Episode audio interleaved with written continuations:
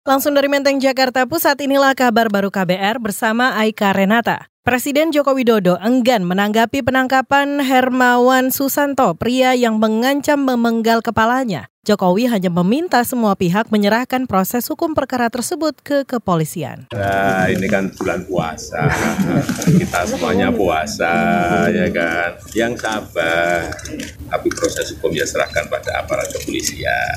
Ya. Sebelumnya, saudara polisi menangkap Hermawan Susanto di rumah saudaranya di Parung, Bogor. Pemuda berusia 25 tahun ini ditetapkan sebagai tersangka dan dijerat dengan pasal makar dan Undang-Undang Informasi dan Transaksi Elektronik. Kasus ini bermula dari video video viral yang memperlihatkan Hermawan mengancam memenggal kepala Jokowi saat aksi di depan kantor Bawaslu pada Jumat pekan lalu.